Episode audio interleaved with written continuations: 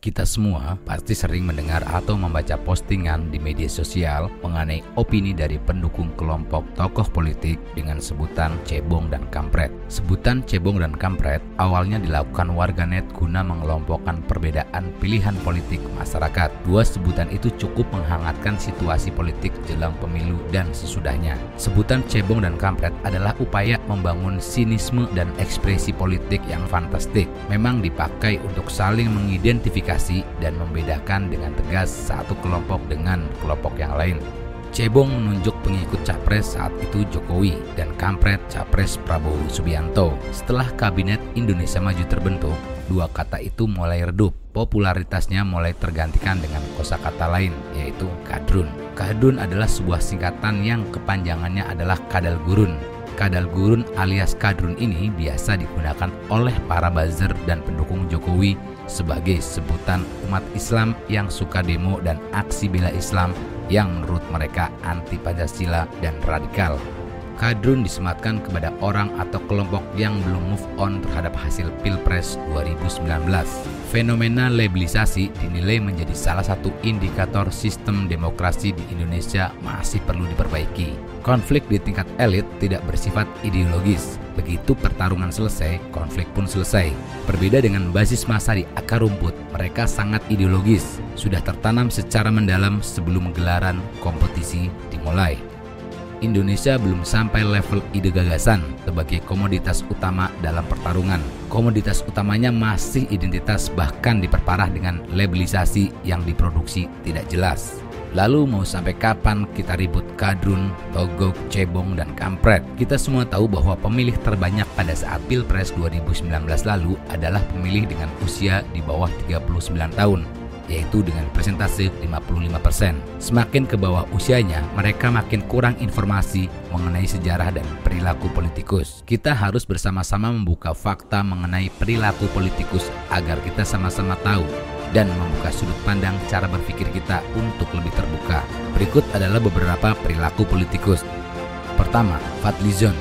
Fadlizon adalah juru kampanye pemenangan Jokowi dan Ahok pada Pilgub DKI 2012 yang lalu. Kedua, Anies Baswedan. Beliau adalah tim sukses Jokowi JK sekaligus mantan Menteri Pendidikan Kabinet Kerja. Anies Baswedan dekat dengan JK dan nempel dengan Pak Prabowo serta PKS. Padahal dulu Anies sering dituding Syiah oleh PKS. Ketiga, Ahok. Di tahun 2012, Gerindra lah yang menjadikan Ahok wakil gubernur dan memasangkan dengan Jokowi.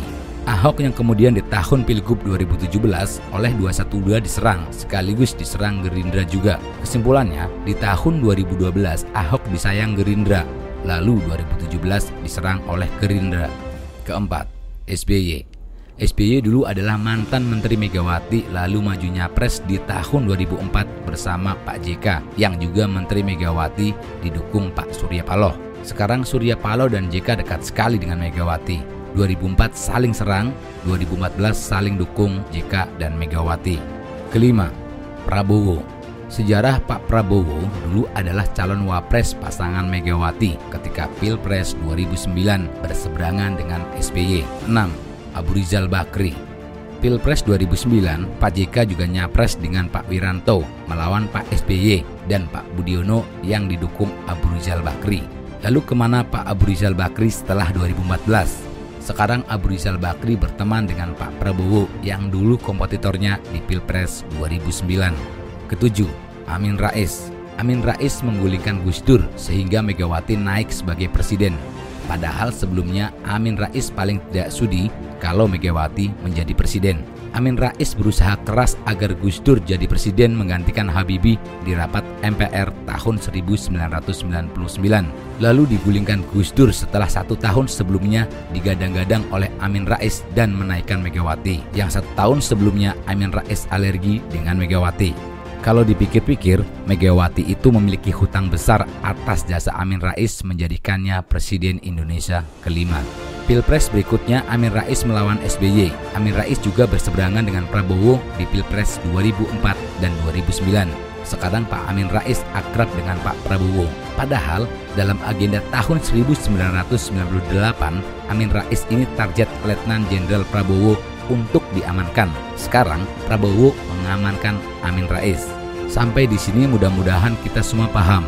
Sebetulnya masih banyak lagi perilaku tokoh politik lainnya jadi, untuk apa lagi kita diperbudak dengan kebencian dengan mengumbat cebong, kampret, kadrun, dan togo. Sedangkan para tokoh politiknya di sana santai-santai saja karena memang begitulah politik. Mau sampai kapan kita ribut kadrun, togo, cebong, kampret? Sudahlah, hilangkan kosakata itu dari argumen atau opini kita. Sekarang waktunya kita untuk memberikan kritik dengan cara yang baik dan para pemimpin yang dikritik juga harus siap menerima kritikan mulailah untuk menaikkan level demokrasi kita. Tidak ada gunanya kita berdebat di sosial media tanpa memberi kritik yang membangun untuk pemerintah. Untuk para generasi muda, kita itu bukan musuh, kita itu satu atap tanah air yang sama, NKRI.